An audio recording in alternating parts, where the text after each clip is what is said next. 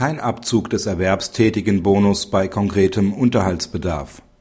Wird der Unterhaltsanspruch nicht nach der Quotenmethode, sondern nach den konkreten Verhältnissen ermittelt, ist eigenes Erwerbseinkommen des Berechtigten im vollen Umfang auf den Bedarf anzurechnen. Der Abzug eines Erwerbstätigenbonus hat zu unterbleiben.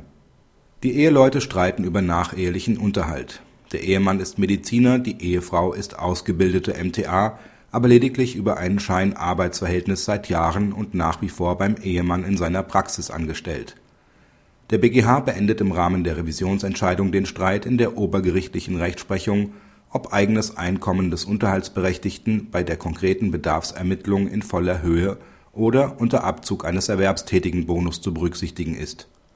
Der BGH stellt klar, dass er an seiner alten Rechtsprechung, mit der er einen solchen Abzug noch gebilligt hatte, nicht mehr festhält Anders als bei der Quotenmethode, bei welcher auf beiden Seiten ein Erwerbstätigenbonus in Abzug gebracht wird, wodurch die Höhe des Unterhaltsbedarfs beeinflusst wird, hängt der konkrete Unterhaltsbedarf ausschließlich von den gehobenen ehelichen Bedarfsansprüchen ab. Der BGH lehnt den Abzug auch deshalb ab, weil die konkrete Bedarfsermittlung in den meisten Fällen auf pauschalen Schätzungen beruht, die den Berechtigten einen großzügigen Spielraum einräumen eine weitere Entlastung durch das Zugeständnis eines anrechnungsfreien Betrags widerspricht dagegen dem Grundsatz der Eigenverantwortung gemäß § 1569 BGB. Praxishinweis Der BGH verneint auch an anderer Stelle den Abzug eines Erwerbsanreizes.